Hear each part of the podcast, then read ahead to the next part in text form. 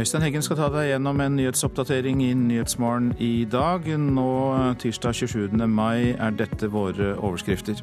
Vannstanden er på vei ned i Trysil, men Mjøsa fortsetter å stige. Vi skal snakke med ordførerne i Trysil og Hamar. Meklingen i tariffoppgjøret for ansatte i Oslo kommune fortsetter.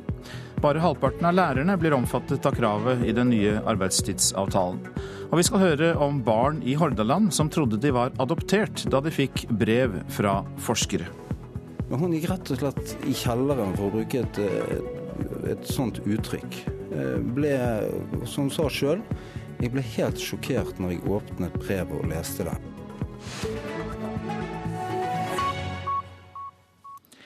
Det er eh, fortsatt mye vann i de flomrammede områdene i Trysil, men NVE forventer at vannstanden nå er på vei nedover. I litt over en uke så har vannstanden i Trysilelva steget. Ordfører i Trysil, Ole Martin Nordrehaug, god morgen til deg. Morgen, ja. Hvordan er situasjonen hos deg nå? Jo, det har vært rolig i natt, og elva har fortsatt å, å synke. Så eh, nå ligger vi godt over 50-årsflomnivå, men eh, det er i hvert fall på vei nedover. Flere bolighus og bedrifter står jo under vann fortsatt. Eh, vet du mer om når folk kan flytte tilbake? Nei, det er for tidlig å se, og jeg tror nok det vil eh, ta litt tid. Eh, Moelven-bedriften har jo fortsatt eh, veldig mye vann innover i, i sine lokaler. og den Bolighusene i Nibersund som er rammet, vil jo fortsatt ha vann i kjelleren i lang tid framover. Så det er altfor tidlig å, å, se at man kan flytte tilbake, tror jeg. Vi holder på telefonlinja til deg, Norderhaug. Vi tar kontakt med kollega Morten Aspeli i Hamar. God morgen til deg også. God morgen. Det er jo ventet at uh, Mjøsa kommer til å stige i dagene framover. Og hva gjør dere for å forberede det på vannet som kommer til dere nå? Ja, Det er riktig at prognosen tilsier at Mjøsa kommer til å stige noen dager eh, til. Vi har etablert eh, en krisestab eh, og følger utviklingen, utviklingen eh, tett. Eh, hvor høyt eh, er det frykt for at den kan komme til å stige? Mjøsa, altså?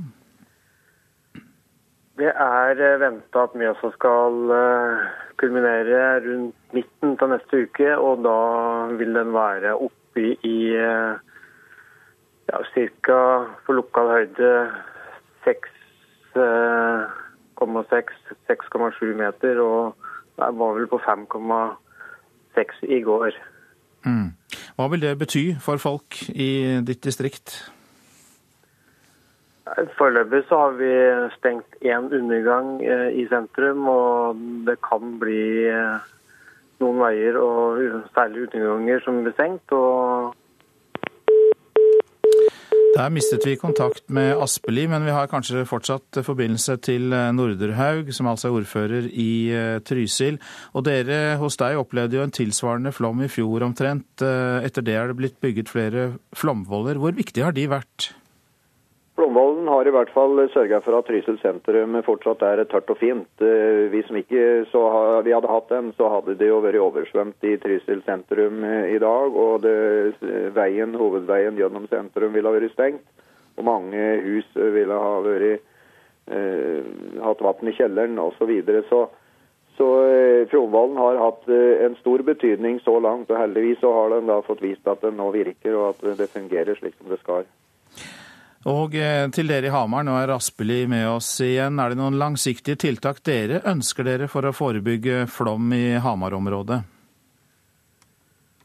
Vi har en plan som følges. Vi har gode rutiner. Så nå følger vi prognosene for NVE løpende og vurderer hele tida. Men heldigvis så ser det nå ut som at det blir lite nedbør og noe kjøligere vær. Og det vil gjøre at i løpet av neste uke så vil Mjøsa kulminere. og da tyder det på at vi når toppen i midten av neste uke. Ja, og som du sa da du var inne sist, mellom seks og sju meter over normalnivå. Da er det stort sett uh, smeltevann fra snøen da, som kommer, siden været er uh, forventa å bli ganske bra. Ja, og det er en stor fordel at det ikke er nedbør, så da er det smeltevann som uh, Og noe kjøligere vær, og det er, det er gunstig. men vi følger dette her løpende og er godt forberedt og vurderer tiltak hele tida. Et siste spørsmål til deg, Ole Martin eh, Nordrehaug i Trysil. Eh, hvilke ønsker har dere for videre utbygging av flomberedskap? Ja, For det første så må vi finne en løsning nå på uh, Moelven sagbruket når dette er over. Det går ikke an at en bedrift som er så viktig for oss, blir ramma av flom såpass hyppig som det har gjort 95 og nå i år. Og så må vi også få opp igjen en ny diskusjon om verning av de husene som er på vestsida av elva og nedover Nybergsund-området, som jo blir sterkt ramma. Mange takk skal dere ha for at dere sto opp og var med i Nyhetsmorgen.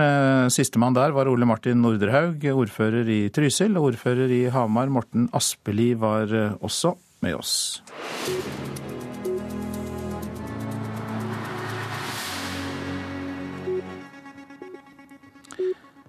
Kinesiske skip har rent i senk en vietnamesisk fiskebåt i det området av Sør-Kina-havet som begge land gjør krav på. De ti fiskerne som var om bord i båten er i god behold, bekrefter en talsmann for den vietnamesiske kystvakten.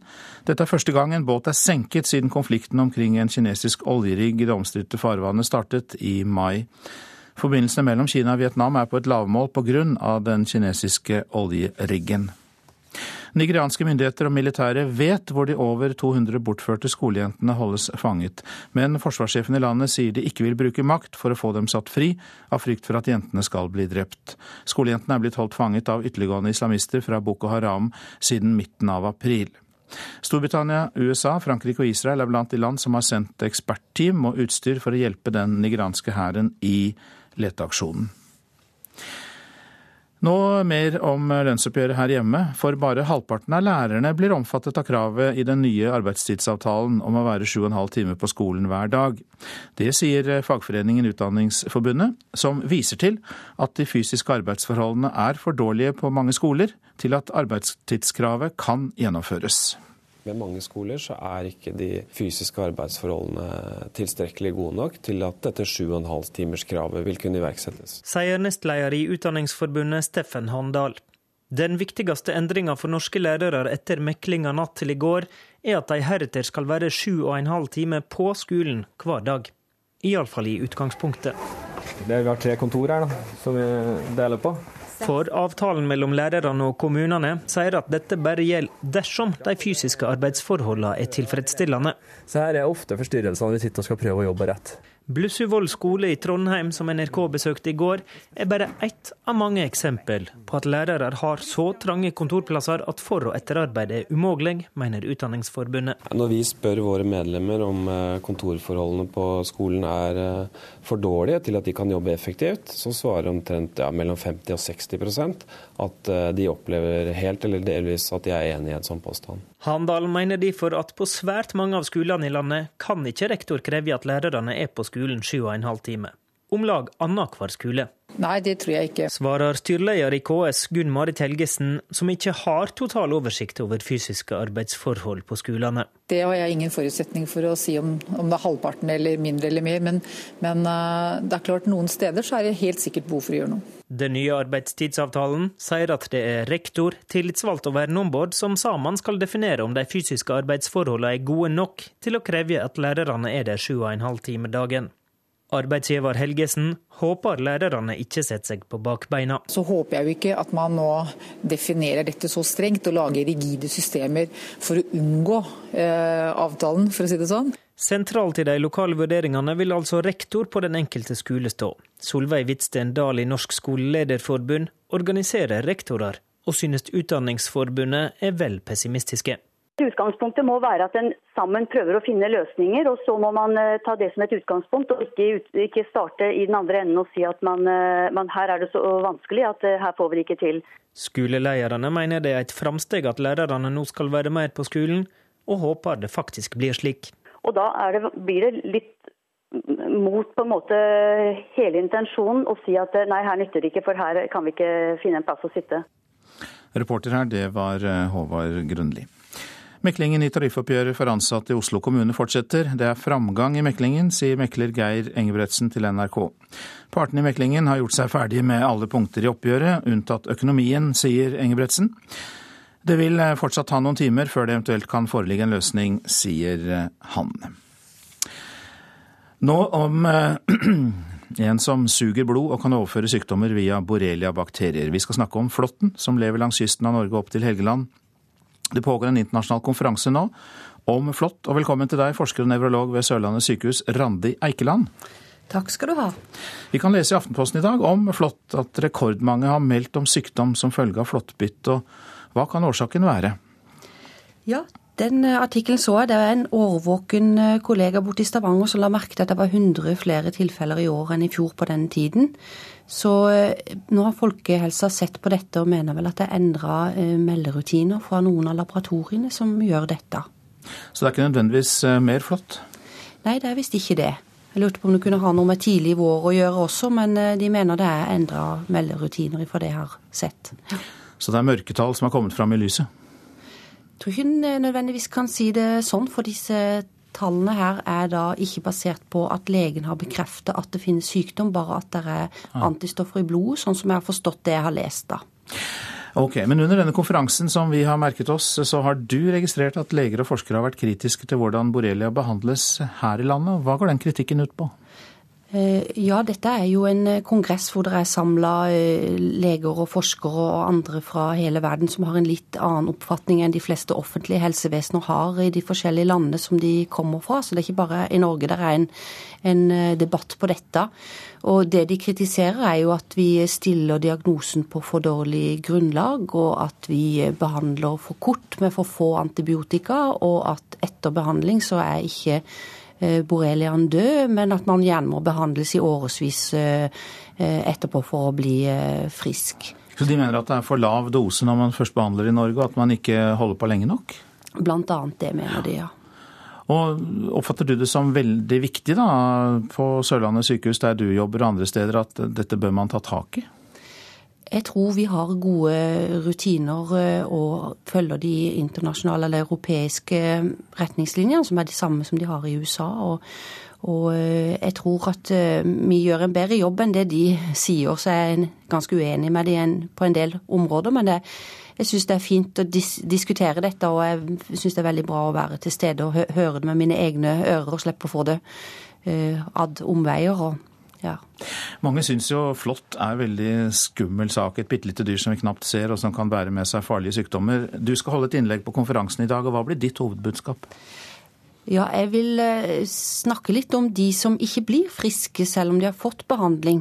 For det har de rett til, at det er noen som ikke gjør det. Men jeg mener jo det er en annen forklaring enn at eh, bakterien eh, lever enda, og at det skal være mer antibiotikabehandling. Så det skal jeg snakke litt om. Men hva er det da som forårsaker det, når bakterien ikke lever lenger? Nei, det er det vi ikke helt vet. Om det setter i gang en slags autoimmunprosess i kroppen, eller om det er rett og slett at det er et arr, eller at det er sånn som vi kan se etter andre infeksjoner òg, at man får sånn slitenhet og trøtthet i en eh, periode etterpå. Det er et spennende forskningsfelt. Tida løper fra oss, Randi Eikeland, men helt til slutt på tampen, eh, hva skal vi gjøre for å unngå bitt? Ta og putt eh, buksa ned i støvlene når du er i skauen hvor det er blått og, nei, vått og buskete. Og så kan du faktisk også bruke litt sånn myggmiddel og ta den vekk så fort som mulig når du oppdager du har den. Da er smittefaren veldig liten. De tingene skal vi ta med oss videre til eh, våren og sommeren. Takk skal du ha, forsker og nevrolog ved Sørlandet sykehus, Randi Eikeland. Takk skal du ha. Så noen ord om det avisene har på sine forsider i dag. Fikk 1000 eh, kroner for 15 timer i branninferno. Bergens Tidende forteller om det lave tjenestetillegget til mannskapene fra Sivilforsvaret som bekjempet brannen i Lærdal. Sivilforsvaret krever nå at alle som rykker ut på oppdrag eller må på kurs, skal få dekket tapt arbeidsfortjeneste. Flere over 62 vil heller jobbe enn å ha fri, kan vi lese i Aftenposten. Nye tall fra Nav viser at trenden med stadig flere eldre i arbeid holder seg. De lar seg friste av å få lønn og pensjon samtidig. Statens eh, vegvesen skulle ruste opp E6, men ødela veien i stedet, kan vi lese i Nordlys. Arbeidet med stikkrenner i deler av Nord-Troms etterlot dype søkk og skarpe kanter i veien.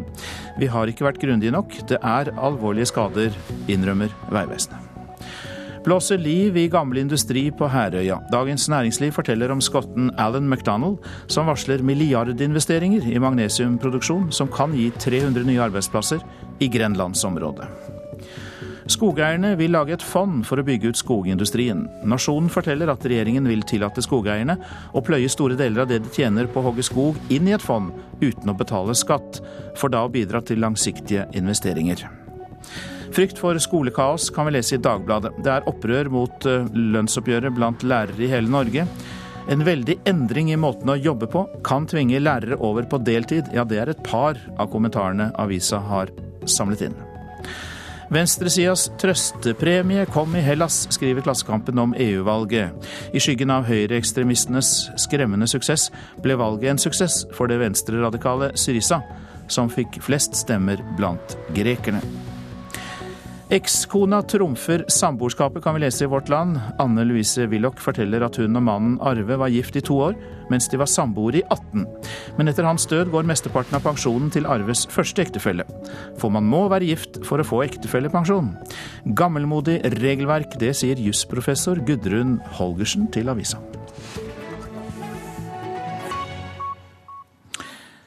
Norske fotballspillere har i kveld mulighet til å vise seg fram for speidere fra verdens beste klubber. Landslagssjef Per-Mathias Høgmo ber spillerne velge riktig klubb om de får et tilbud, akkurat som eh, Stefan Johansen gjorde. Man kunne sikkert ha valgt annet og sånne type ting, og det var mye, mye mediespekulasjoner. Man tenker seg, tenker seg jo om. Det sier Stefan Johansen om sitt klubbvalg, som endte med seriegull i Skottland. Midtbaneeleganten var ønsket av flere europeiske storklubber. Men i samråd med sin agent og tidligere englandsproff Tore Pedersen falt valget på Celtic. Det er Champions League og det, det er et eh, par hakk opp fra tippeligaen nivåmessig. Så, og I tillegg så har jeg fått spilt eh, fast der, så, så da er det mye som tyder på at det er riktig. I kveld møter Norge Frankrike til privatlandskamp i Paris. Med speidere fra store europeiske toppklubber på plass er oppgjøret en gyllen mulighet til å skaffe seg en ny arbeidsgiver. Mats Møller Dæhlie, Brede Hangeland og Alexander Tetti er blant de som rykket ned fra den engelske toppdivisjonen denne sesongen, og som er åpne for en ny klubb. Nei, Jeg har jo bearbeidet ganske mye, men uh, jeg har jo kontrakt ett år til. Og det er jo det jeg forholder meg til, liksom, til det, det motsatte er sagt av, av uh, fra Norwich. Sier Tetti om framtiden i Norwich. Per-Mathias Høgmo har tidligere uttalt til NRK at oppgjørene mot landslagsgigantene Frankrike og Russland kan bli avgjørende for klubbframtiden til flere av hans spillere. Også på søndag gjentok han viktigheten av å være tålmodig hvis tilbudene kommer. Det vil alltid være viktig å, å velge riktig timing og riktig klubb. Det viser historie. Stefan Johansen på sin side kan senke skuldrene, med trygghet om at framtiden i det minste på kort sikt ligger i Celtic. Jeg føler at jeg er blitt en bedre fotballspiller at jeg dro dit. Du utvikler deg, og det føler jeg jeg gjør. Og, så, så det, jeg er veldig fornøyd. Og landskampen mot Frankrike kan du høre i NRK P1 fra klokka 20.55. Reporter her var Mats Håby. Klokka den er blitt 6.48. Vi har disse hovedsakene. Vannstanden er på vei ned i Trysil, mens Mjøsa kommer til å stige, melder NVE. Meklingen i tariffoppgjøret for de ansatte i Oslo kommune fortsetter. Bare halvparten av lærerne blir omfattet av krav i den nye arbeidstidsavtalen om å være 7,5 timer på skolen hver dag, mener Utdanningsforbundet. Og vi skal straks høre at sykehjemspasienter tar opptil 30 ulike medisiner hver dag. Det kan være risikabelt.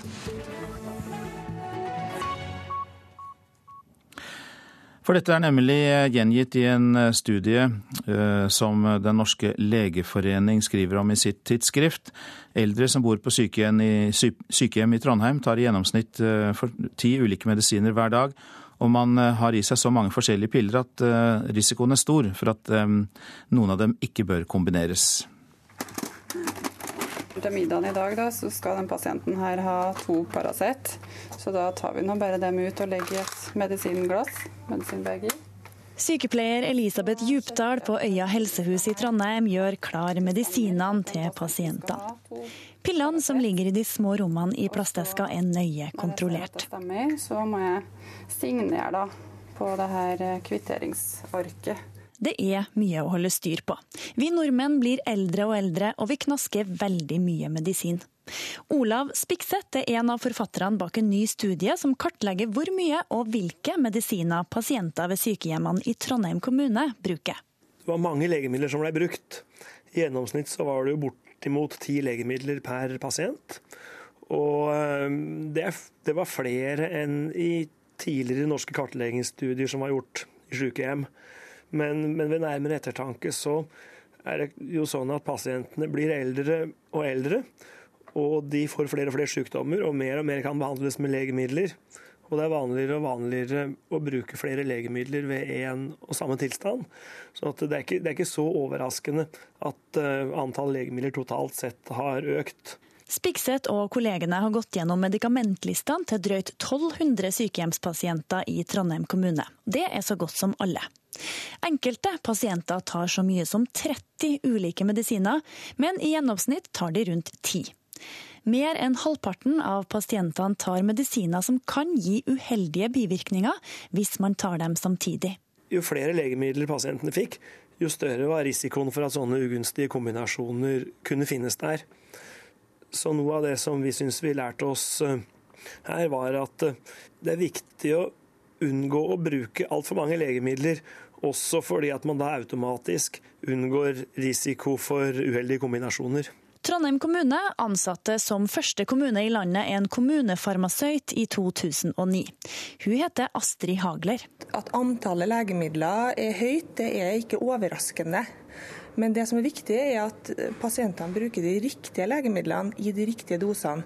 Nøkkelen for å gi riktig mengde medisin er kontinuerlig oppfølging, sier kommunefarmasøyten. Vi har jo gjort eh, gjort eh, systematiske det som kalles legemiddelgjennomganger også i Trondheim kommune. hvor man går gjennom legemiddelbruken til den enkelte pasienten sammen med sykehjemslege og sykepleier, og jeg som farmasøyt har vært involvert. og Vi ser jo med de legemiddelgjennomgangene også at antallet legemidler kan gå noe ned.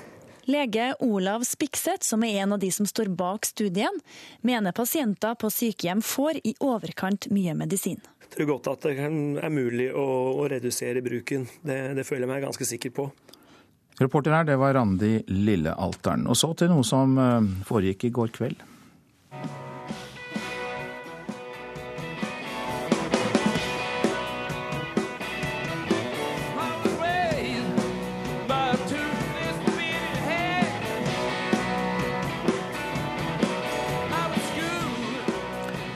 Vi kan vel, eh, Marit Gjelland, være litt eh, frekke og si at vi gikk fra geriatri og medisin til geriatri og musikk nå, gjorde vi ikke det? Ja, det kan vi si. du er vår reporter som nemlig skal fortelle oss om hva som skjedde i går på Telenor Arena i Bærum for uh, framfor 25 000 fans. Ja, det var 70-åringene, da. Mick Jagger, Mick Taylor, Keith Richards, Ron Wood og Charlie Watts. Og de begeistra i hvert fall publikum etter 52 eh, år. Det sier i hvert fall av de her fansene avisene har snakka med. Det hele starta med en hoppende Jagger som eh, sang 'Jumping Jack Flash'. Deretter spilte bandet seg gjennom 19 eh, låter, som endte i legendariske 'Satisfaction'. Og avisene i dag er ganske enig med publikum, kanskje, i hvert fall. NRK skriver at de fremdeles har i seg den samme krafta som gjorde de stor.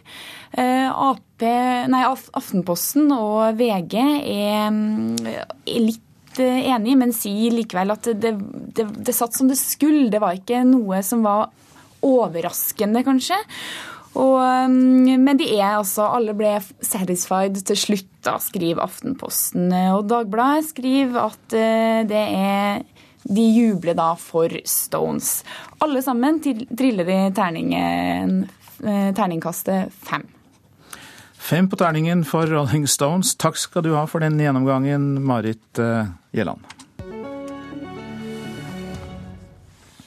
Regjeringen begår en alvorlig feil ved å skille Picasso-kunsten fra bygningene i regjeringskvartalet. Det mener den britiske kunstprofessoren og Picasso-spesialisten Sarah Wilson. Regjeringen har vedtatt å rive Y-blokka, men vil ta vare på utsmykningene av Carl Nesjar og Pablo Picasso. Men det holder ikke, mener Wilson. Um, I cannot believe my ears. I think the Norwegian government need some uh, fresh advice about the value in situ, in, in a public space. Jeg kan ikke tro mine egne ører, sier Sarah Wilson når hun får vite at regjeringen vil rive bygningen som er utsmykket med Pablo Picasso og Carl Neschars kunst. Hun er kunstprofessor ved det prestisjetunge universitetet Courtauld i London, og har nylig utgitt en bok om den spanske kunstneren. Hun mener den norske regjeringen er i ferd med å begå en stor feil. This would be removing part of an incredibly irreplaceable uh, 20th century heritage. I et intervju med Dagsavisen i fjor sommer advarte Wilson mot riveplanene i regjeringskvartalet. Nå er hun rystet over regjeringens beslutning. Søndag ble det kjent at regjeringen vil rive Y-blokka og samtidig bevare de to integrerte Picasso-verkene i bygget. Wilson mener imidlertid at kunsten mister sin verdi når den løsrives fra bygget. Of course less valuable. It becomes a ruin. It becomes a fragment. Og Wilson får støtte av Den norske fortidsminneforeningen. Det å prøve å skjære vekk den kunsten, og stille den på pidestall eller hva de har tenkt i parken, det tenker jeg at blir en farse. Altså det her integrert kunst, det er nettopp det som er nyskapende og genialt med den arkitekturen. Vi mener det her er en, rett og slett en internasjonal skandale, og noe vi kan komme til å angre dypt på lenge sier talsperson i Fortidsminneforeningen Siri Hoem. Hun tror rivingen vil vekke mer internasjonal oppsikt. Jeg tror folk vil bli helt sjokkert, eh, ikke minst fordi vi er verdens rikeste nasjon. Vi burde ha muligheter til å finne en god løsning. Kommunal- og moderniseringsminister Jan Tore Sanner har ikke hatt anledning til å kommentere kritikken fra Fortidsminneforeningen, men i gårsdagens Dagsnytt 18 forsvarte han beslutningen om å rive Y-blokka. Jeg har stor respekt for eh, de synspunktene som også er eh, for, for, for Y-blokken. Eh, samtidig så må vi ta hensyn til, til, sikkerhetsaspektet, og det er en blokk som går over en vei, og det er problematisk når vi skal også tenke trygghet. Så er det to veldig store og viktige kunstverk i, i Y-blokken. Eh, eh, måkene og, og, fiskerne. Det skal vi selvsagt ta vare på. Der skal vi ha en dialog eh, også med rettighetshaverne. Og reporter her, det var Halvor Haugen. Nå til et omstridt brev. Etter å ha vært med på en elevvurdering i fjor, så fikk 10 000 elever i Hordaland brev om, som har vakt reaksjoner. Flere ble sjokkert fordi brevet der ga forskerne inntrykk av at barna var blitt adoptert. Her, her har vi brevet som, eh, som eh, min datter mottok. Og eh, hun skjønte ingenting. Og så sier hun nei, dere kunne godt fortalt meg på en skikkelig måte at jeg var adoptert. Dattera til Håkon Andersen fikk sist veke et sjokkerende brev i posten. Hun hadde deltatt i elevundersøkinga Ung 1 Hordaland våren 2012, og hadde nå fått et brev i tilknytning til undersøkinga om et nytt forskningsprosjekt om psykisk helse hos adopterte barn og unge. Men hun gikk rett og slett i kjelleren, for å bruke et, et, et sånt uttrykk. Eh, ble, som hun sa sjøl, jeg ble helt sjokkert når jeg åpnet brevet og leste det. Brevet ble sendt til alle de 10 000 elevene som deltok i undersøkelsen i Hordaland. Men det gav et sterkt inntrykk at de som mottok brevet, var adopterte. Og når jeg da leser brevet, så skjønner jeg veldig godt at hun ble mildt sagt sjokkert, mildt sagt eh, uviss og ikke var sikker på hva som var opp og ned her i verden etter hvert. Ja, Vi har gjort en stor tabbe. Eh, vi skulle innledningsvis i brevet hatt med setning der det sto klart og tydelig at brevet gikk til alle, uavhengig av adopsjonsstatus, uavhengig av om det var adoptert eller ikke. Det sier Leif Edvard Aare, forskningssjef ved Folkehelseinstituttet, som er ansvarlig for det nye forskningsprosjektet. Folkehelseinstituttet har nå blitt kontakta over 100 personer som har reagert på brevet. Så brevet er laga på en sånn måte at det er til å misforstå. Og Det er selvfølgelig forferdelig beklagelig vi skulle formulert oss tydeligere. Jeg ble rett og slett sjokkert over at det er mulig å gjøre noe sånt som dette. Ungdom eh, skal ikke utsettes for noe så tåpelig som dette. Tale Hause var reporter. Nå værvarselet. Fjell i Sør-Norge oppholdsvær, perioder med sol. Østlandet og Telemark stort sett pent vær. Agder og Rogaland kuling i kyst- og fjordstrøk, stort sett eh, pent vær. Hordaland og Sogn og Fjordane pent vær. Møre og Romsdal skyet, fra i formiddag pent. Trøndelag, Nordland og Troms pent vær. Finnmark skyet eller delvis skyet, på kysten i øst noen regnbyger. Nordensjøland på Spitsbergen utpå dagen liten kuling, litt sludd eller regn. Temperaturer klokka fem. Svalbard lufthavn tre, Kirkenes to, Vardø og Alta tre. Tromsø fire, Bodø åtte, Brønnøysund ni, Trondheim-Værnes sju, Molde seks, Bergen-Flesland sju. Stavanger 10, Kristiansand-Kjevik 13, Gardermoen og Lillehammer 9, Røros 4, og så var det Oslo-Blindern. Der var det 10 grader da klokka var fem.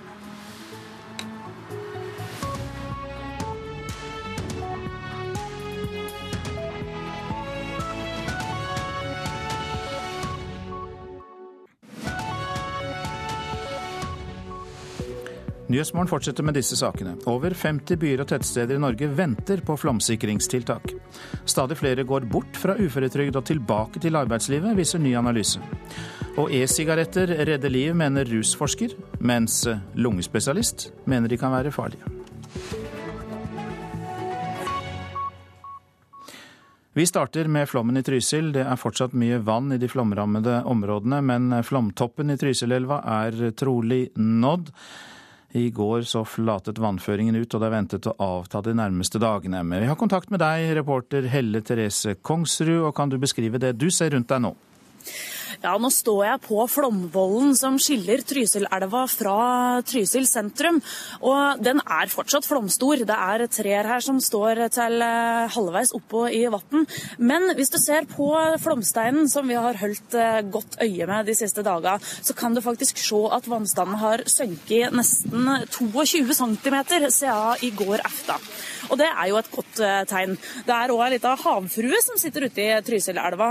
Den var helt borte i går, men nå titter, titter huet opp, eh, opp, i lufta. Ja, så dette er også da åpenbart en statue som man også kan bruke som en måleenhet? Ja, akkurat nå så kan du i hvert fall det, når vannstanden er såpass høy som nå. Hvordan takler folk dette her? Du, folk i Trysil er jo sindige folk, og de har nå hatt såpass mye flom de siste åra at de eh, kan godt å takle, takle, det som skjer. Det som nok er verst, er jo på Moelven-bedrifta, der, eh, der vannet står eh, inn på langt opp på gulvet og, og hindrer virksomheten der. Vi bør vel også ta med et spørsmål om hvordan framkommeligheten er på veiene i området. Er den tilbake til det normale? Det er eh, en fylkesvei sør for Nybergsund som eh, fortsatt er stengt. For i Nybergsund der er det fortsatt veldig mye vann. Vi hørte jo i går at 25 eh, husstander var evakuert, og de har fortsatt ikke flyttet tilbake. Så, så der kommer det nok til å være stengt en stund til. Kan du si litt om de tiltakene myndighetene lokalt har satt inn da, for å hjelpe folk? Ja, altså det er, jo, det er jo stort sett det at de har, de har evakuert folk. og det, det, er ikke så veldig mye annet å gjøre. De tar vare på hverandre i bygda og venter på at vannet skal gå ned igjen. Takk skal du ha, Helle Therese Kongsrud, som rapporterte fra Flomvollen ved Trysil sentrum. Og vi legger til at det er ventet at vannstanden vil øke i Mjøsa de nærmeste dagene. Over 50 byer og tettsteder i Norge venter på flomsikringstiltak. Det viser Norges vassdrags- og energidirektorat, NVEs, interne oversikt. I dag bor 20 000 nordmenn i områder utsatt for kraftig flom. Vi har helt klart at det er behov for eh, en eh, god del mer flomsikring enn det vi har klart å gjennomføre til nå. Og en del oppgradering av eksisterende flomvern også. Seksjonssjef i NVE Steinar Skanke vedgår at eh, det er behov for flomvern flere steder i Norge. Knut Magne Rønningen fra Nybergsund ved Trysilvassdraget i Hedmark ror til inngangsdøra si. Det flomramma tettstedet er ett av i alt 50 flomutsatte steder i Norge som venter på flomvern, viser NVEs oversikt. Hvis det ikke blir mer enn nå, så greier det seg med gulvet. Går det noe mer opp nå, så lytter vi ta opp veggene òg. Det er ikke nødvendigvis siste gang han ser huset under vann. Det vil ta år før nabolaget hans og de andre stedene i Norge som venter på vern, er trygge mot flom, forteller Skanke med planlegging og prosess osv. to-tre år eh, gjerne, og kanskje litt mer. I forhold til eh, de pengene som vi har, så, så eh, går det jo greit. Men det er klart, det er ikke til å legge skjul på at det kunne ha gått litt fortere med litt mer penger. En som gjerne skulle ha sett at det gikk raskere, er ordfører i Nedre Eiker kommune i Buskerud, Bent Inge By. For en storflom kan føre til at Drammenselva setter hele Mjøndalen med 8000 innbyggere under vann. Nå ser vi hva som skjer oppe i Trysil. Og det, Dersom man ikke nå får fortgang i dette, her, så kan du se katastrofer. Vi trenger penger til flomsikring. For NVE de er underbudsjettert. De må ha mer penger. Så enkelt er det. For ellers kan det, den ene katastrofen avløse den andre. Det er regjeringa som forvalter pengesekken. Kåre Fostervoll er statssekretær. Det vi har gjort, er at vi nå har foreslått 50 eh, millioner ekstra i revidert nasjonalbudsjett, som ligger til behandling i Stortinget. Sånn at NVE kan gjøre flere av de prioriterte tiltakene som de har på sin liste. Men når det gjelder ytterligere økning av budsjettene, så må vi komme tilbake til det i de ordinære budsjettprosessene. Hvor lenge har dere egentlig venta på disse pengene? Nei, Det har jeg venta på i årevis. For planene om å flomsikre Mjøndalen det har vi holdt på med i mange mange år. Så nå har vi, vi, vi kan ikke vente lenger på dette her. Så enkelt er det. Og du kan lese mer om hvilke steder som venter på flomvern på nettsidene til NRK, nrk.no. Reportere Marie Roksund, Dan Robin Midthun Nikolaisen og Marit Gjelland. Antall uføre kan bli betydelig lavere i årene som kommer. Det viser en ny analyse av ordningen med arbeidsavklaringspenger. Stadig flere går nemlig fra denne ordningen, ikke til trygd, men tilbake til arbeidslivet. Og eh, Samia, hun er en av dem. Det er veldig, veldig, faktisk veldig deilig å være tilbake i jobb igjen. Eh, fordi jeg trives kjempegodt med det å jobbe. Eh, holdt på å bli relativt gæren av å gå hjemme og ikke ha noe å gjøre. Så, så det setter jeg stor pris på, for jeg har ikke vært i jobb de siste fire årene.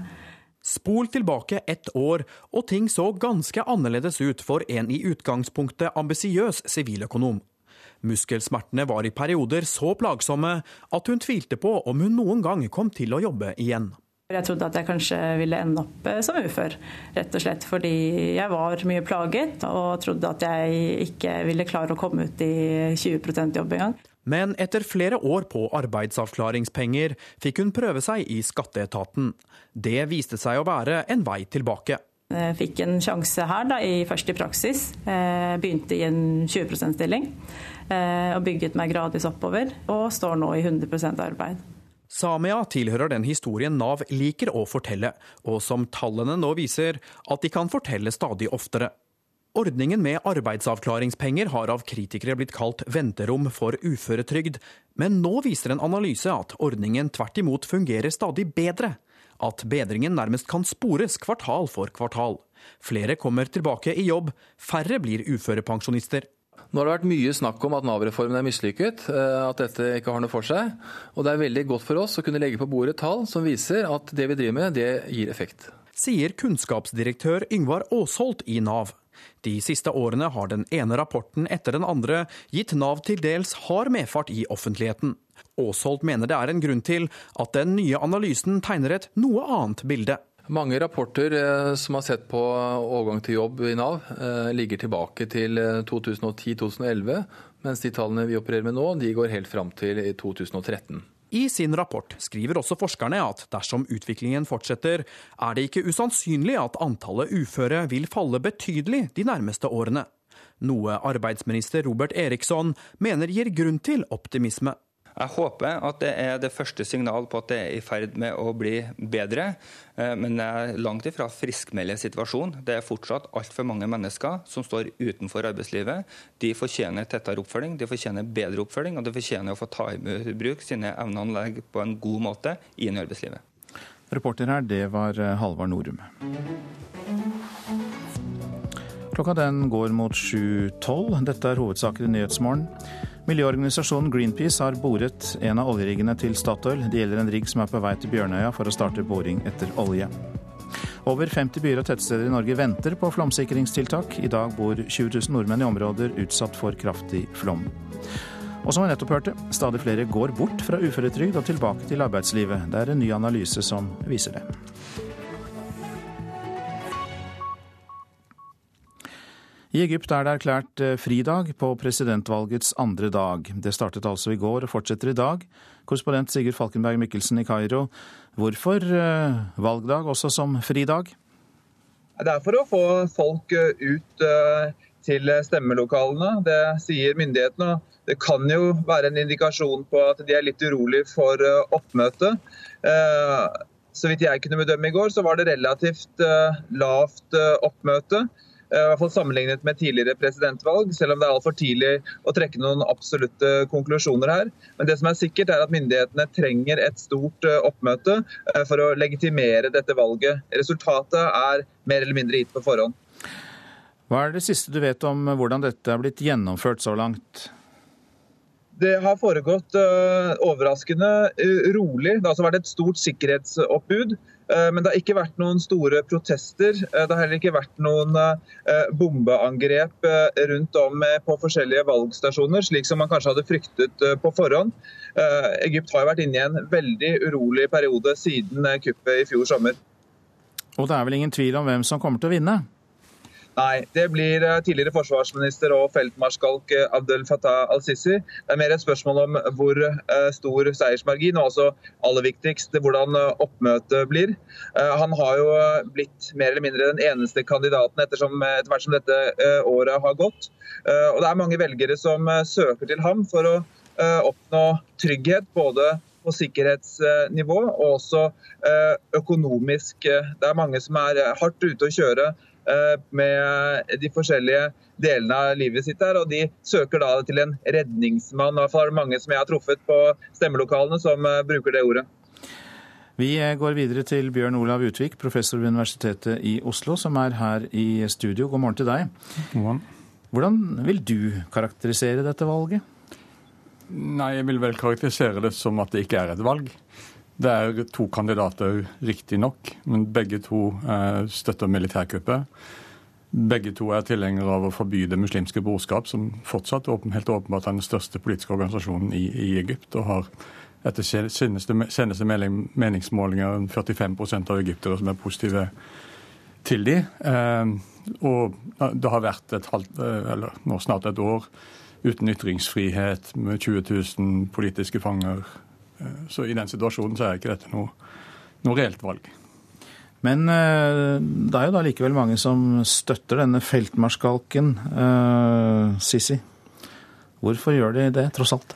Ja, En helt ny meningsmåling utført av det amerikanske Pew-instituttet viser at det er Ca. 55% har en positiv oppfatning av Sisi, og de samme prosentene er, til, er støtter dette militærkuppet som fant sted. Og så er det altså 45% motsatt, og som er positive til Morsi, den avsatte presidenten. Så han er ikke sånn eh, universalt bejubla som, som, vi noen ganger får, eh, får, inntrykk av. Når de støtter han, det går også fram for så vidt av den samme meningsmålingen, så er det dette at de som du var inne på, at de prioriterer stabilitet eh, framfor, framfor noe annet etter noen veldig eh, turbulente år. Det muslimske brorskap, eh, hvor utmanøvrert er de nå? Altså, De er jo utmanøvrert i den forstand de er stempla som en terroristorganisasjon. De fleste lederne sitter enten i fengsel eller er i, eller er i eksil. Men dette er jo en, en svær bevegelse med dype røtter i det egyptiske samfunnet. Det pågår stadig demonstrasjoner eh, mot kuppet, som, hvor flere grupper er med, men hvor de er en viktig kraft. Ikke minst eh, ungdommen, eh, ungdommen, i brorskapet. Eh, Litt tilbake til deg, Sigurd Falkenberg Mikkelsen. Utvik nevnte jo dette med mangel på eh, pressefrihet og eh, rettigheter. Hvordan eh, oppfatter journalister situasjonen og arbeidsforholdene i Egypt nå, Mikkelsen? Nei, Det er ikke noe tvil om at vi er under et press her. Og at ytringsfriheten har vært begrenset i hvert fall i eh, offisiell media. Det er et voldsomt eh, trykk rundt Sissis kandidatur, og det har det vært helt siden kuppet.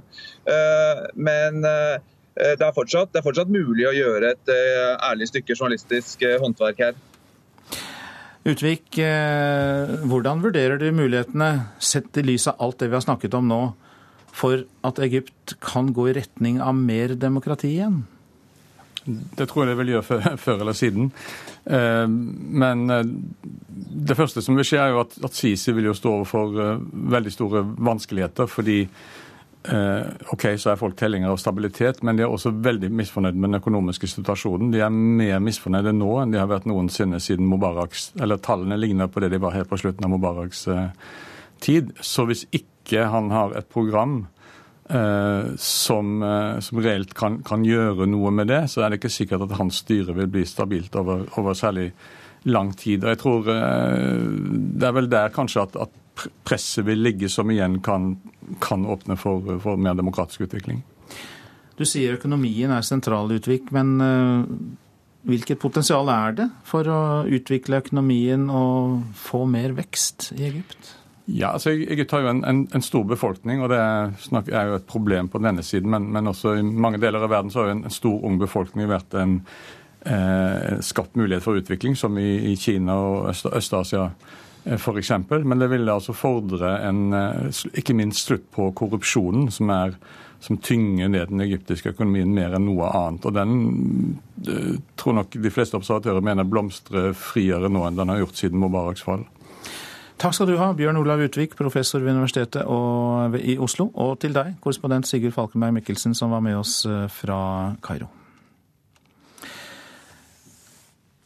Etter over seks uker i uvisshet kommer det endelig positive nyheter om de bortførte skolejentene i Nigeria. Forsvaret sier nå at de har lokalisert jentene, vet hvor de er.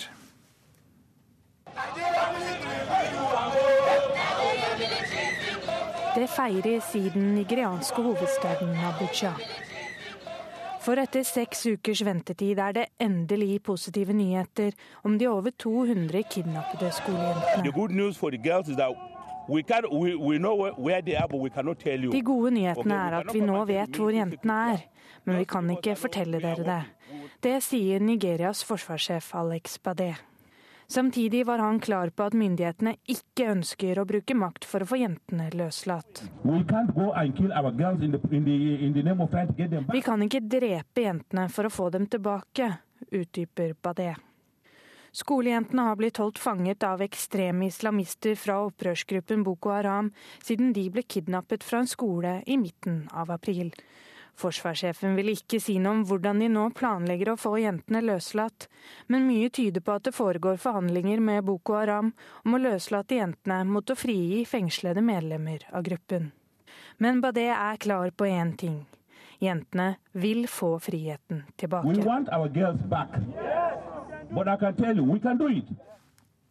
Reporter her, det var Silje Herbro Landsverk. Det eh, ytterliggående høyrepartiet Sverigedemokraterna, som fikk to mandater i EU-parlamentet ved valget søndag, vil samarbeide med Dansk Folkeparti og det britiske UKIP. Og dersom partiet ikke får bli med i eh, denne gruppa, så vil Sverigedemokraterna ifølge partileder Jimmy Åkesson ikke være med i noen annen gruppe i EU-parlamentet. Begge partiene, altså det danske og det britiske, har uttrykt tvil om et samarbeid med Sverigedemokraterna tidligere. Så var det det avisene har på sin dagsorden. Fikk 1000 eh, kroner for 15 timer i branninferno. Bergens Tidende forteller om det lave tjenestetillegget til mannskapene fra Sivilforsvaret som bekjempet brannen i Lærdal. Sivilforsvaret krever nå at alle som rykker ut på oppdrag eller må på kurs, skal få dekket tapt arbeidsfortjeneste. Flere over 62 vil heller jobbe enn ha fri, kan vi lese i Aftenposten. Nye tall fra Nav viser at trenden med stadig flere eldre i arbeid holder seg. De lar seg friste av å få lønn og pensjon samtidig. Statens vegvesen skulle ruste opp E6, men ødela veien i stedet, kan vi lese i Nordlys. Arbeidet med stikkrenner i deler av Nord-Troms etterlot dype søkk og skarpe kanter i veien. Vi har ikke vært grundige nok. Det er alvorlig skade på veien, innrømmer Vegvesenet blåser liv i gammel industri på Herøya. Dagens Næringsliv forteller om skotten Alan McDonald, som varsler milliardinvesteringer i magnesiumproduksjon, som kan gi 300 nye arbeidsplasser i Grenland.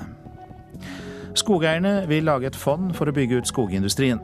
Nasjonen forteller at regjeringen vil tillate skogeierne å pløye store deler av det de tjener på å hogge skog, inn i et fond uten å betale skatt. Det skal nemlig bidra til langsiktige investeringer. Frykt for skolekaos kan vi lese om i Dagbladet. Det er opprør mot lønnsoppgjøret blant mange lærere i Norge. En veldig endring i måten å jobbe på kan tvinge lærere over på deltid. Ja, det er et par av kommentarene avisa har hentet inn. Venstresidas trøstepremie kom i Hellas, skriver Klassekampen om EU-valget. I skyggen av høyreekstremistenes skremmende suksess ble valget en suksess for det venstreradikale Syriza, skriver avisa. Dette partiet fikk flest stemmer blant grekerne. Det er et protestvalg mot sittende politikere, sier forskere til Dagsavisen om EU-valget. Skyhøy arbeidsledighet, store sosiale forskjeller og iboende EU-skepsis er årsaker som trekkes fram. Ekskona trumfer samboerskapet, kan vi lese i Vårt Land. Anne Louise Willoch forteller at hun og mannen Arve var gift i to år, men de var samboere i 18. Men etter hans død går mesteparten av pensjonen fra arve til første ektefelle, for man må være gift for å få ektefellepensjon. Det er et gammelmodig regelverk, sier jusprofessor Gudrun Holgersen til avisa.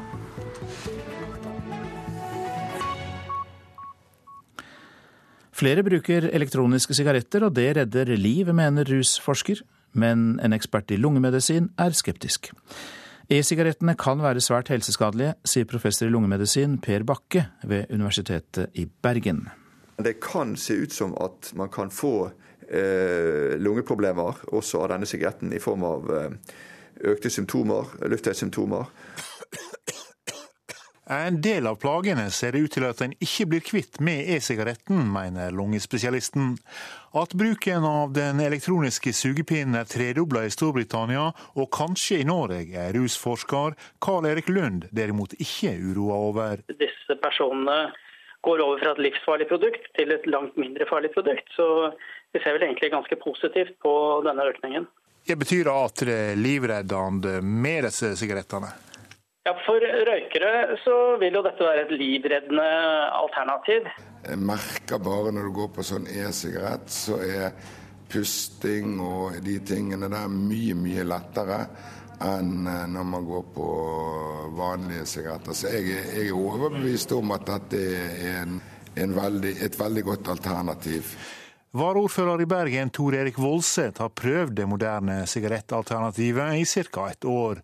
Han kjenner seg sunnere ved å suge i seg vassdamp og nikotin enn ved å røyke gammeldagse sigaretter. For første gang i historien så har vi den unike situasjonen at røykerne eh, liker et alternativt produkt til sigarettene.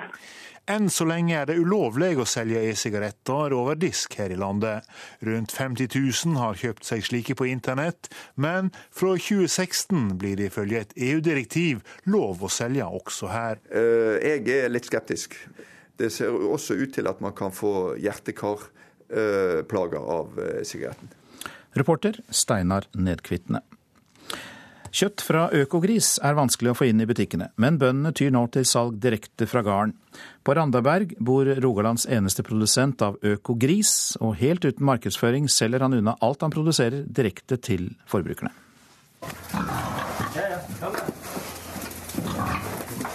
De slaktes nok til høsten Ja. Det blir nok slutten av september, oktober, noe sånt.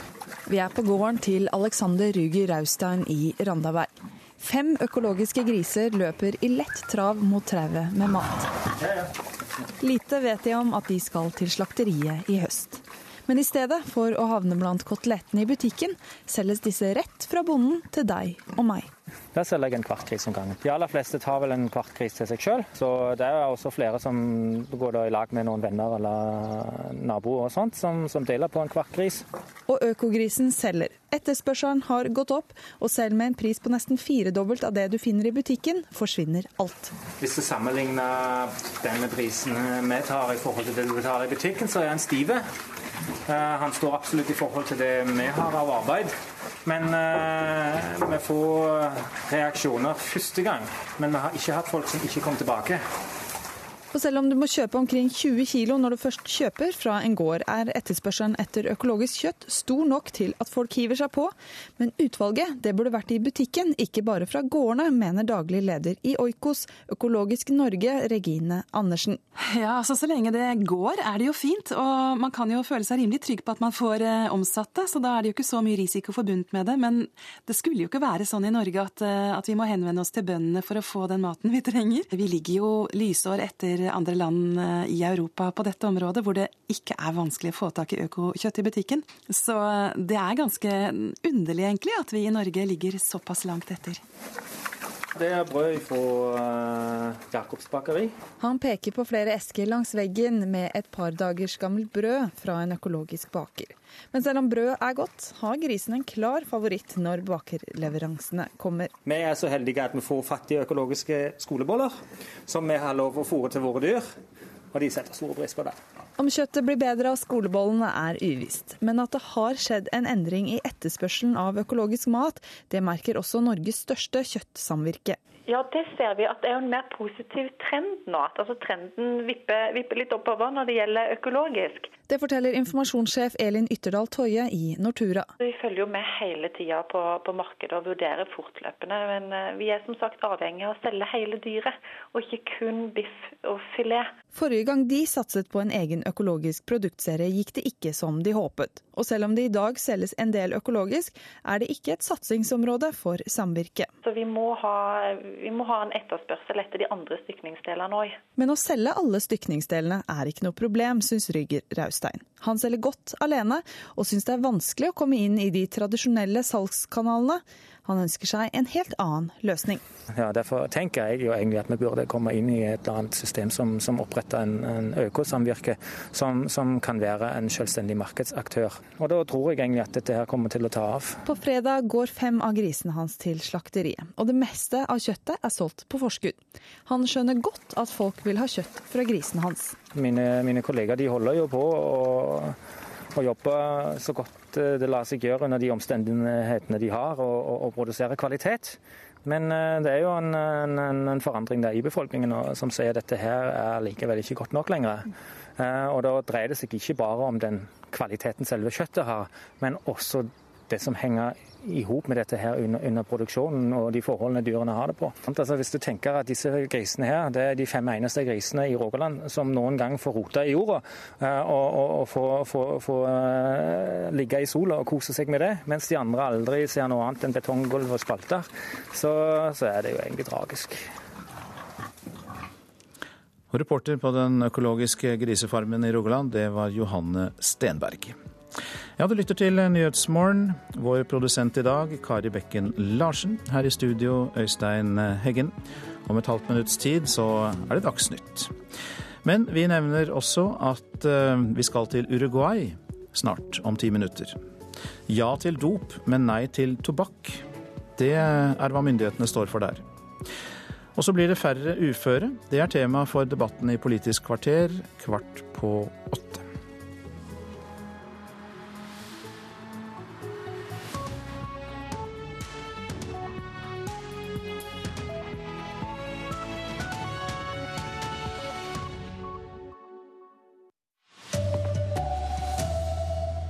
Ordførere i flomutsatte områder er lei av å vente i årevis på flomsikring. Vi trenger penger til flomsikring, så enkelt er det. For ellers kan den ene katastrofen avløse den andre.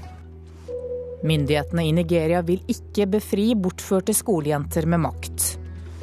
Og publikum og anmelderne jubler for Rolling Stones etter konserten i går. Her er NRK Dagsnytt klokka 7.30. Over 50 byer og tettsteder i Norge venter på tiltak som skal sikre innbyggerne mot flom. Det viser den interne oversikten til Norges vassdrags- og energidirektorat. Men ifølge direktoratet så tar det flere år før områdene er sikret. I Mjøndalen i Nedre Eiker kommune mener ordfører Bent Inge By at de har ventet lenge nok. Nei, Det har jeg venta på i årevis, for planene om å flomsikre Mjøndalen det har vi holdt på med i mange, mange år. Så eh, nå har vi, vi, vi kan ikke vente lenger på dette her. Så enkelt er det.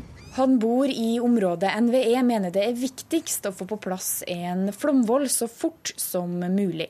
En storflom i Drammenselva kan sette hele Mjøndalen med 8000 innbyggere under vann. Under vann står nå husene til innbyggerne i Nybergsund ved Trysilvassdraget i Hedmark. De ror til inngangsdøra. Tettstedet venter sammen med Mjøndalen og 50 andre byer og tettsted på sikring mot flom. De må vente en stund til, sier Steinar Skanke i NVE. Med planlegging og prosess osv. to-tre år eh, gjerne, og kanskje litt mer. I forhold til eh, de pengene som vi har, så, så eh, går det jo greit. Men det er klart, det er ikke til å legge skjul på at det kunne ha gått litt fortere med litt mer penger. Det er regjeringa som forvalter pengesekken. Kåre Fostervoll er statssekretær. Det vi har gjort, er at vi nå har foreslått 50 eh, millioner ekstra i revidert nasjonalbudsjett, som ligger til behandling i Stortinget. Og når det gjelder ytterligere eh, økning av budsjettene, så må vi komme tilbake til det i de ordinære budsjettprosessene. Vi trenger penger til flomsikring. For NVE de er underbudsjettert. De må ha mer penger. Så enkelt er det. For ellers kan det, den ene katastrofen avløse den andre. Reportere var Dan Robin Midthun Nikolaisen, Marit Gjelland og Marie eh, Roksund. I Trysil er over 20 familier fortsatt evakuert pga. flom. Det er fortsatt mye vann i de flomrammede områdene, men flomtoppen i Trysilelva er trolig nådd. Og reporter Helle Therese Kongsrud i Trysil, hvordan ser det ut i området nå? Ja, Trysilelva den er fortsatt stor, så det er lenge før flommen er over. Men vi kan se på flommerket at det faktisk har sunket så mye som 22 cm bare seg klokka halv fem i går aften. Det tyder jo på at eh, NVE sine prognoser er riktige, og at eh, det nå i hvert fall går mot, eh, at det går mot en slutt på flommen. Hva skjer med de som er evakuerte nå?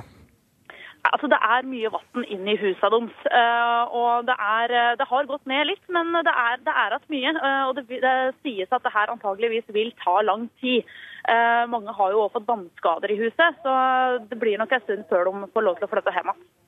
Takk skal du ha, Helle Therese Kongsrud. Miljøorganisasjonen Greenpeace har boret en av oljeriggene til Statoil. Det gjelder en rigg som er på vei til Bjørnøya for å starte boring etter olje.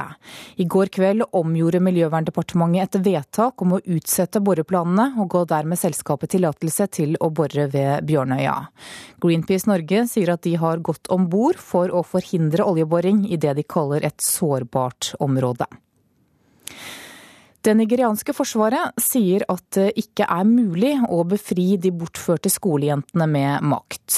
I går kveld ble det klart at myndighetene sier de vet hvor de bortførte skolejentene befinner seg.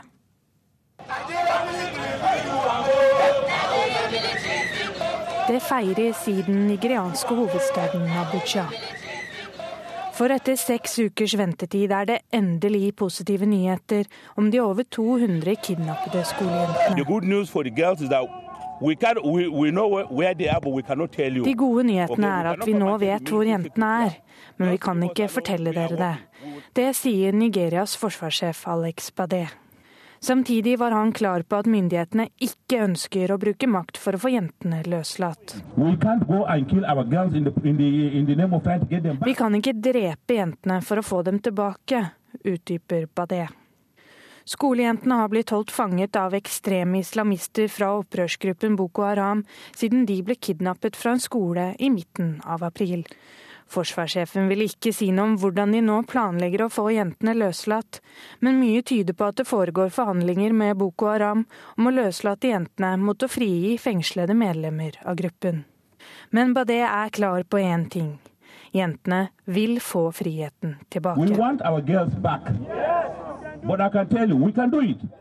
Reporter var Silje Herbro Landsverk. Tallet på uføre kan bli mye lavere i årene som kommer. Det viser en analyse som Nav har gjort. Flere kommer seg nå tilbake i arbeidslivet, og Samia er en av dem. Det er veldig, veldig, faktisk veldig deilig å være tilbake i jobb igjen. Eh, fordi jeg trives kjempegodt med det å jobbe. Eh, holdt på å bli relativt gæren av å gå hjemme og ikke ha noe å gjøre. Spol tilbake ett år, og ting så ganske annerledes ut for en i utgangspunktet ambisiøs siviløkonom. Muskelsmertene var i perioder så plagsomme at hun tvilte på om hun noen gang kom til å jobbe igjen. Jeg trodde at jeg kanskje ville ende opp eh, som ufør, rett og slett fordi jeg var mye plaget og trodde at jeg ikke ville klare å komme ut i 20 jobb engang. Men etter flere år på arbeidsavklaringspenger fikk hun prøve seg i skatteetaten. Det viste seg å være en vei tilbake. Begynte i en 20 %-stilling eh, og bygget meg gradvis oppover, og står nå i 100 arbeid. Nav-reformen har fått mye kjeft, og ordningen med arbeidsavklaringspenger har blitt kalt venterom for uføretrygd. Men nå viser en analyse gjort av forskere med tilknytning til Nav at ting går i riktig retning. Havner du på arbeidsavklaringspenger i dag, er sjansen for å ende opp som uføretrygdet om lag halvparten av det den var om du kom inn i ordningen i begynnelsen av 2010. Det er kunnskapsdirektør Yngvar Aasholt i Nav svært fornøyd med. Nå har det vært mye snakk om at Nav-reformen er mislykket, eh, at dette ikke har noe for seg. Og det er veldig godt for oss å kunne legge på bordet tall som viser at det vi driver med, det gir effekt. Reporter det var Halvard Norum. Meklingen i tariffoppgjøret for ansatte i Oslo kommune fortsetter mer enn ett døgn på overtid. Ifølge mekler Geir Engebretsen så er det fremgang, men det kan ta flere timer før vi får en avklaring. Da skal vi ha sport. 19 år gamle Mats Møller Dæhlie prøver å ikke bry seg om fokuset på ham før kveldens privatlandskamp i fotball mot Frankrike. Speidere fra hele Europa har kommet til, til for å følge oppgjøret med argusøyne. Nei, Det er jo det du har drømt om hele livet som liten gutt. Å få spille mot, mot gode lag og få spille for, for mange fans. og det, det, er bare noe jeg syns er veldig gøy å, å få lov til. Det sier Mats Møller Dæhlie foran kveldens kamp mot VM-klare Frankrike. Vidunderbarnet er mannen alle norske og franske journalister er opptatt av her i Paris. Du blir nå, blir nå bare vant, vant, til det. og Du prøver å, prøver å, takle det på best mulig måte. Og, og prøver ikke å bruke for mye energi på det. Bare ha fokus på å utvikle deg dag for dag. og Jeg vet at jeg er ung og at jeg har, jeg har ganske god tid eh, på meg. Tom Høgli svarer følgende på om det finnes et bedre utstillingsvindu for norske spillere. Nei, å måle seg mot dem, det er det beste referansen vi kan få. Og kampen hører du i NRK P1 fra klokka 20.55. Reporter var Mats Håby.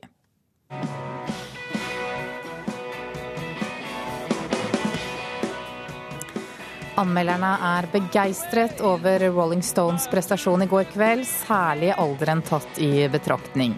Foran 25 000 publikummere på Telenor Arena i Bærum, så spilte gruppa 19 låter fra 50 år på scenen.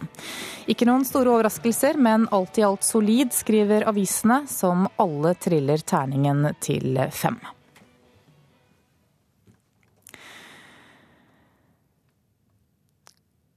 Ansvarlig for denne dagsnyttsendingen det var Bjørn Christian Jacobsen. Teknisk ansvarlig Per Ivar Nordahl og her i studio Anne Jetlund Hansen.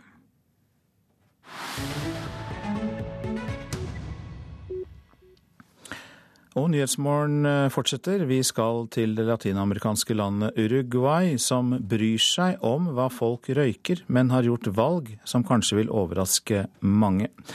Anders Tvegård har møtt en delegasjon fra Uruguay som var på sjarmoffensiv i USA, og Tvegård har levert denne reportasjen.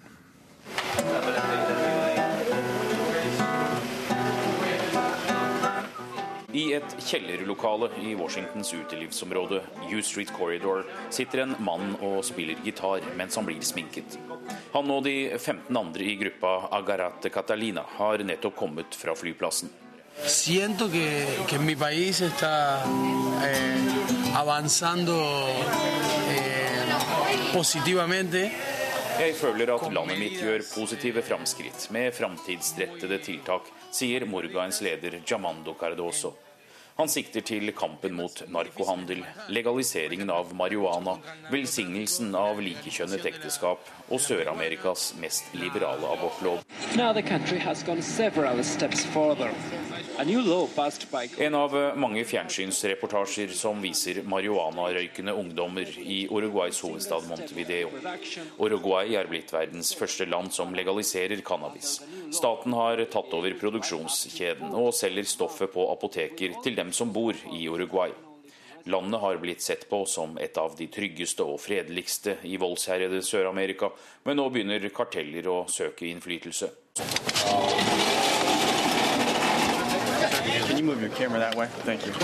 Heisdøra har låst seg og må skyves opp manuelt av sikkerhetsvaktene. På innsiden står Uruguays president José Mojica, eller Pepe, som han også blir kalt. Omtalt som verdens fattigste president, fordi han gir bort 90 av lønna si til veldedighet, og bor heller på gården med kona enn i presidentpalasset. 78-åringen har nettopp vært hos president Obama i Det hvite hus. Uh,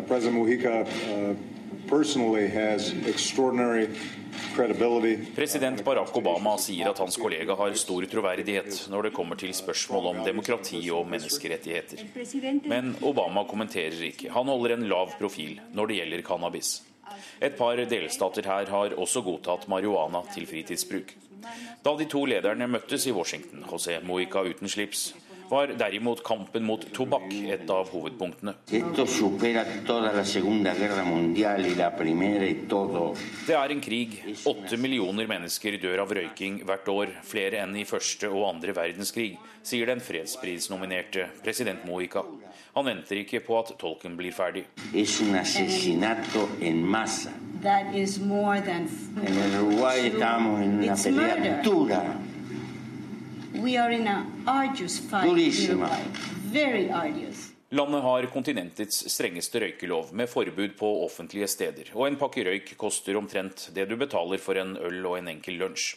Republikken er saksøkt for 25 millioner dollar av den amerikanske tobakksgiganten Philip Morris for å bryte investeringsforpliktelser gjennom tøffere lovgivning. Det er en sak som følges nøye i flere land.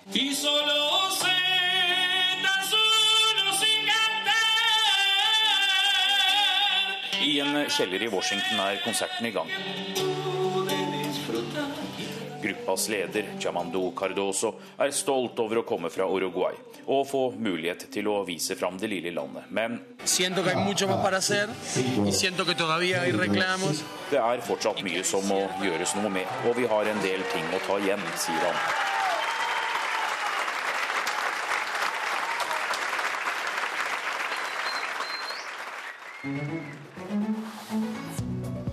Ja, du lytter til eh, Nyhetsmorgen, og eh, dette er noen av hovedsakene i nyhetene i dag. Ordførere i flomutsatte områder er lei av å vente i årevis på flomsikring. Over 50 byer og tettsteder i Norge venter på flomsikringstiltak. Miljøorganisasjonen Greenpeace har boret en av oljeriggene til Statoil. Det er en rigg som er på vei til Bjørnøya for å starte boring etter olje. Tallet på uføre kan bli mye lavere i årene som kommer. Det viser en analyse som Nav har gjort. Flere går bort fra uføretrygd og tilbake til arbeidslivet.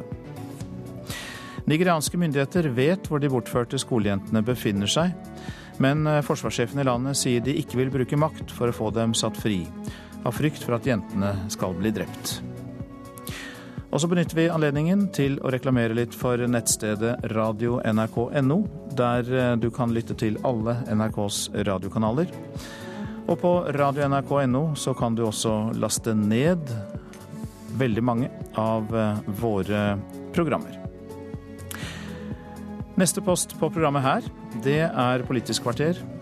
Og det er eh, Bjørn Myklebust som er ansvarlig der i dag.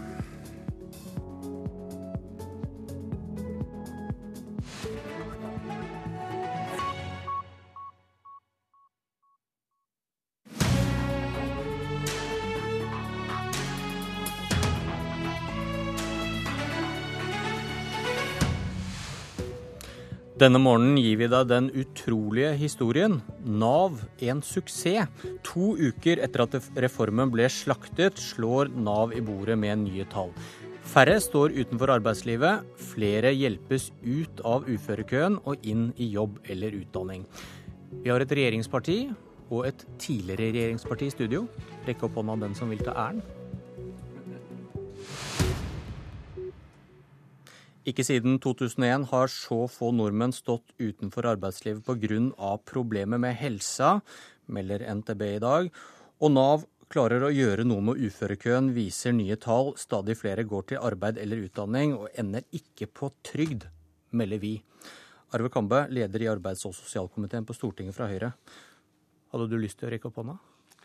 Jeg tror vi skal være veldig glad for de tallene som Nav i dag forteller oss. Det er først og fremst eh, gode eh, nyheter for de dette gjelder. Det er mennesker som eh, i en usikker periode av livet sitt mottar arbeidsavklaringspenger nettopp for å bli avklart. Hva skjer med meg videre? Er det uføretrygd?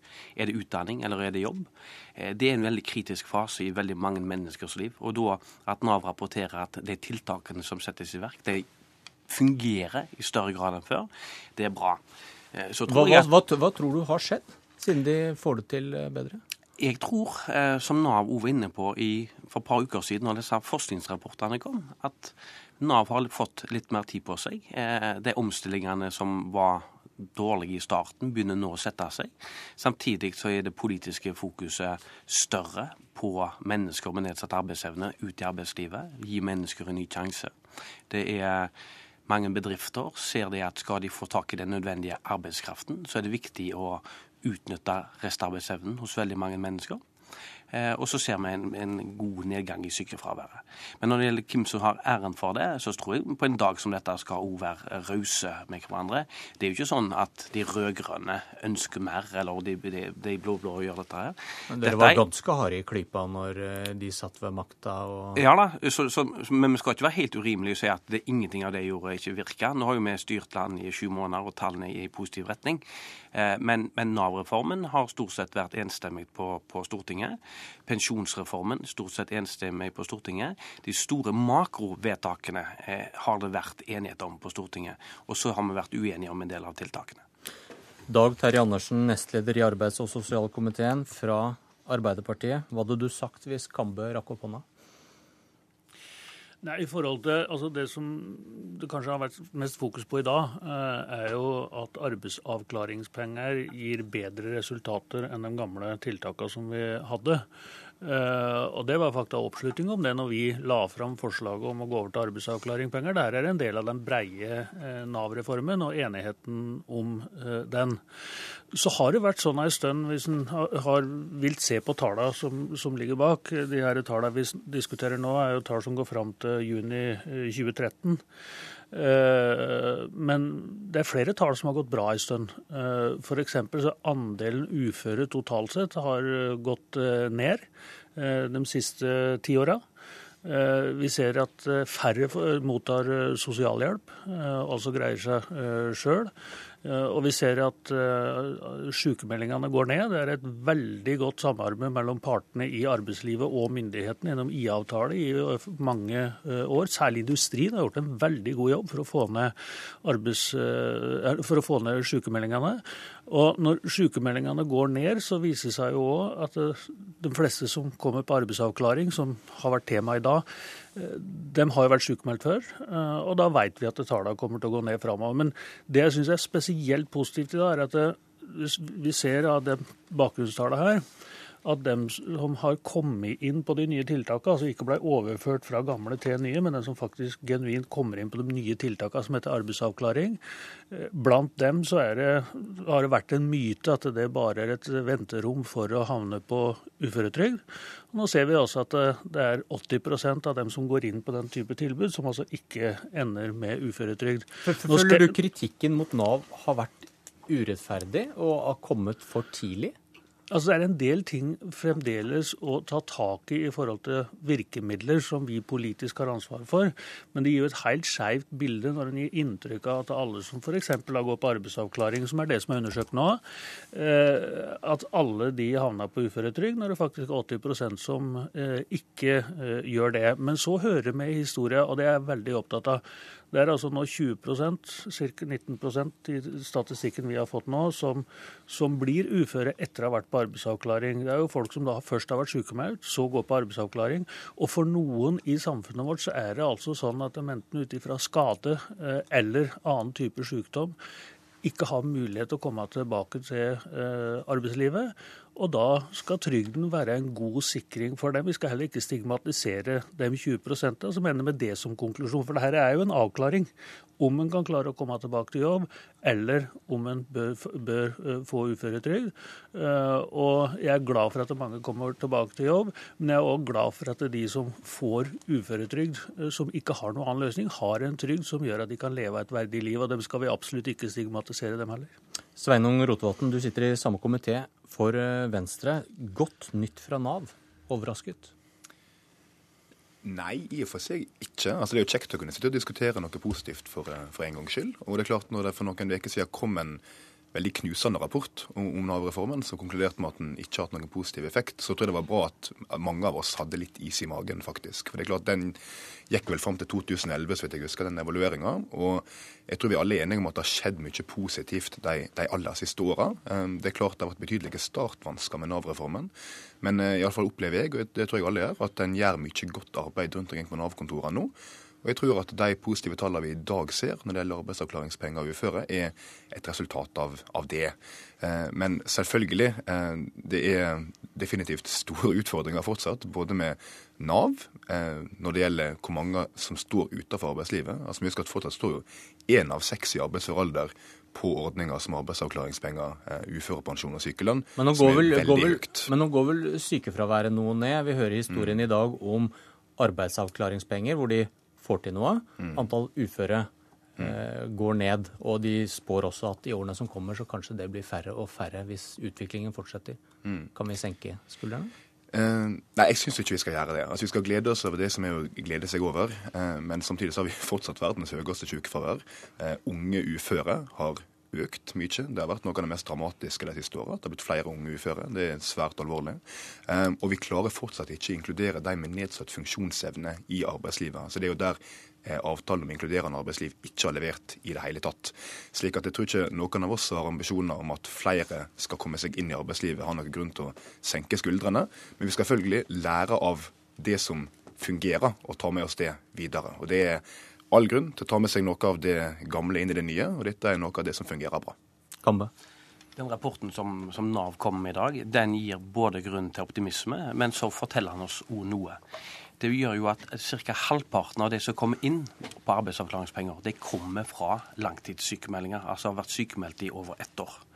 Så det betyr klarer man å redusere sykefraværet, så vil man om noen år etterpå ha enda færre inn i arbeidsavklaringspengene. Og deretter enda færre som blir uførepensjonister.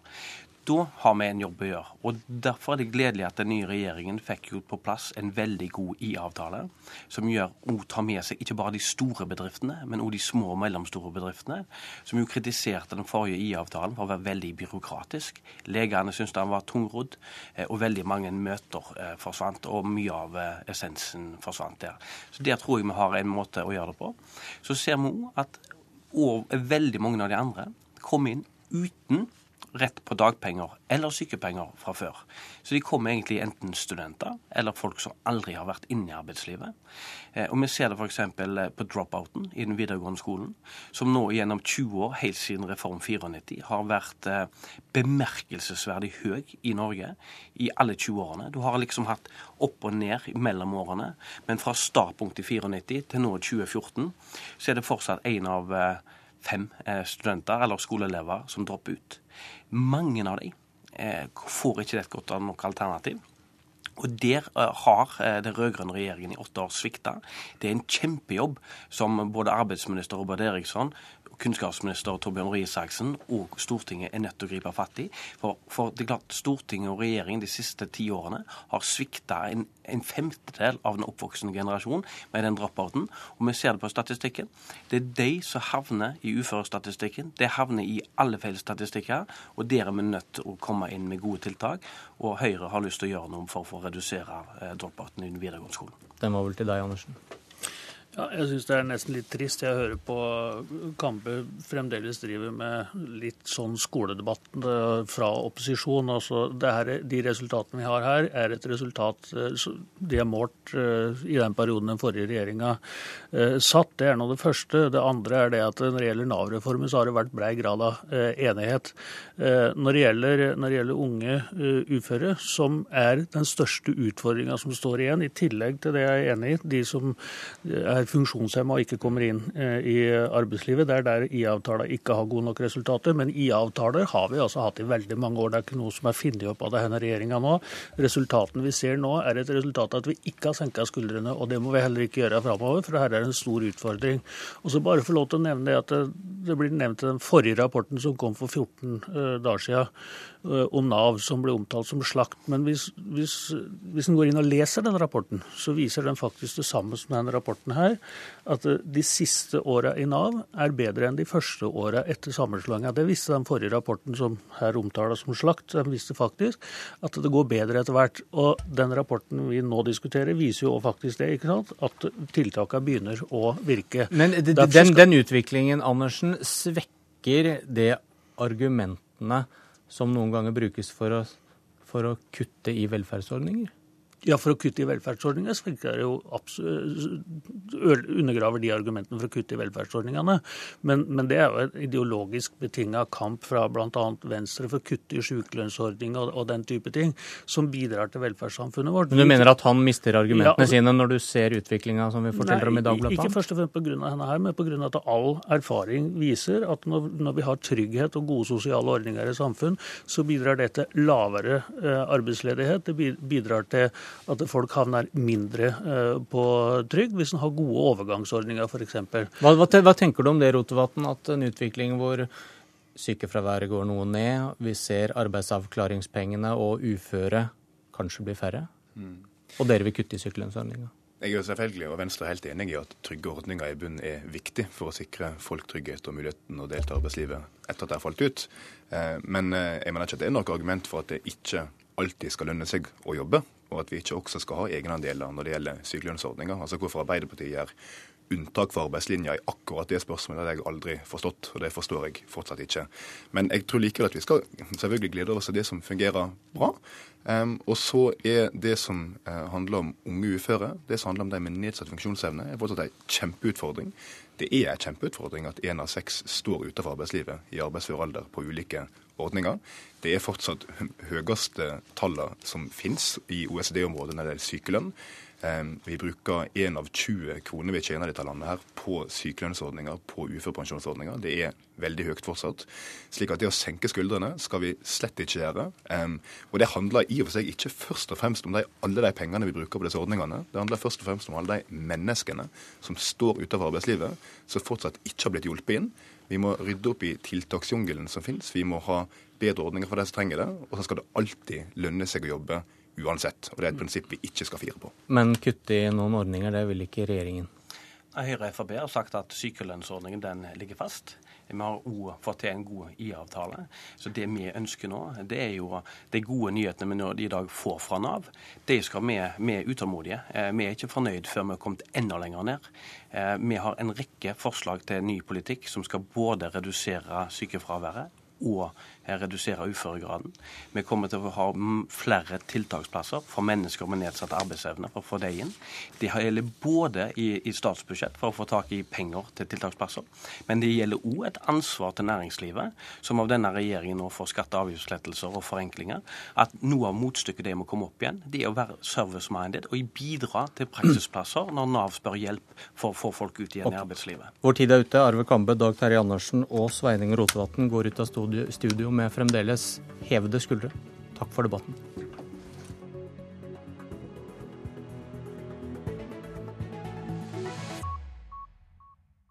Jeg heter Birger Kolsrud Jåsund, og meg hører du i Kulturnytt i NRK P2. Det beste med kulturjournalistikken er at den beveger seg i det brede feltet mellom dypt alvor og ekstrem viktighet på den ene siden, og renskårent tøys og tullball på den andre. Og i dette spennet går vi i Kulturnytt rundt på jakt etter de gode historiene. NRK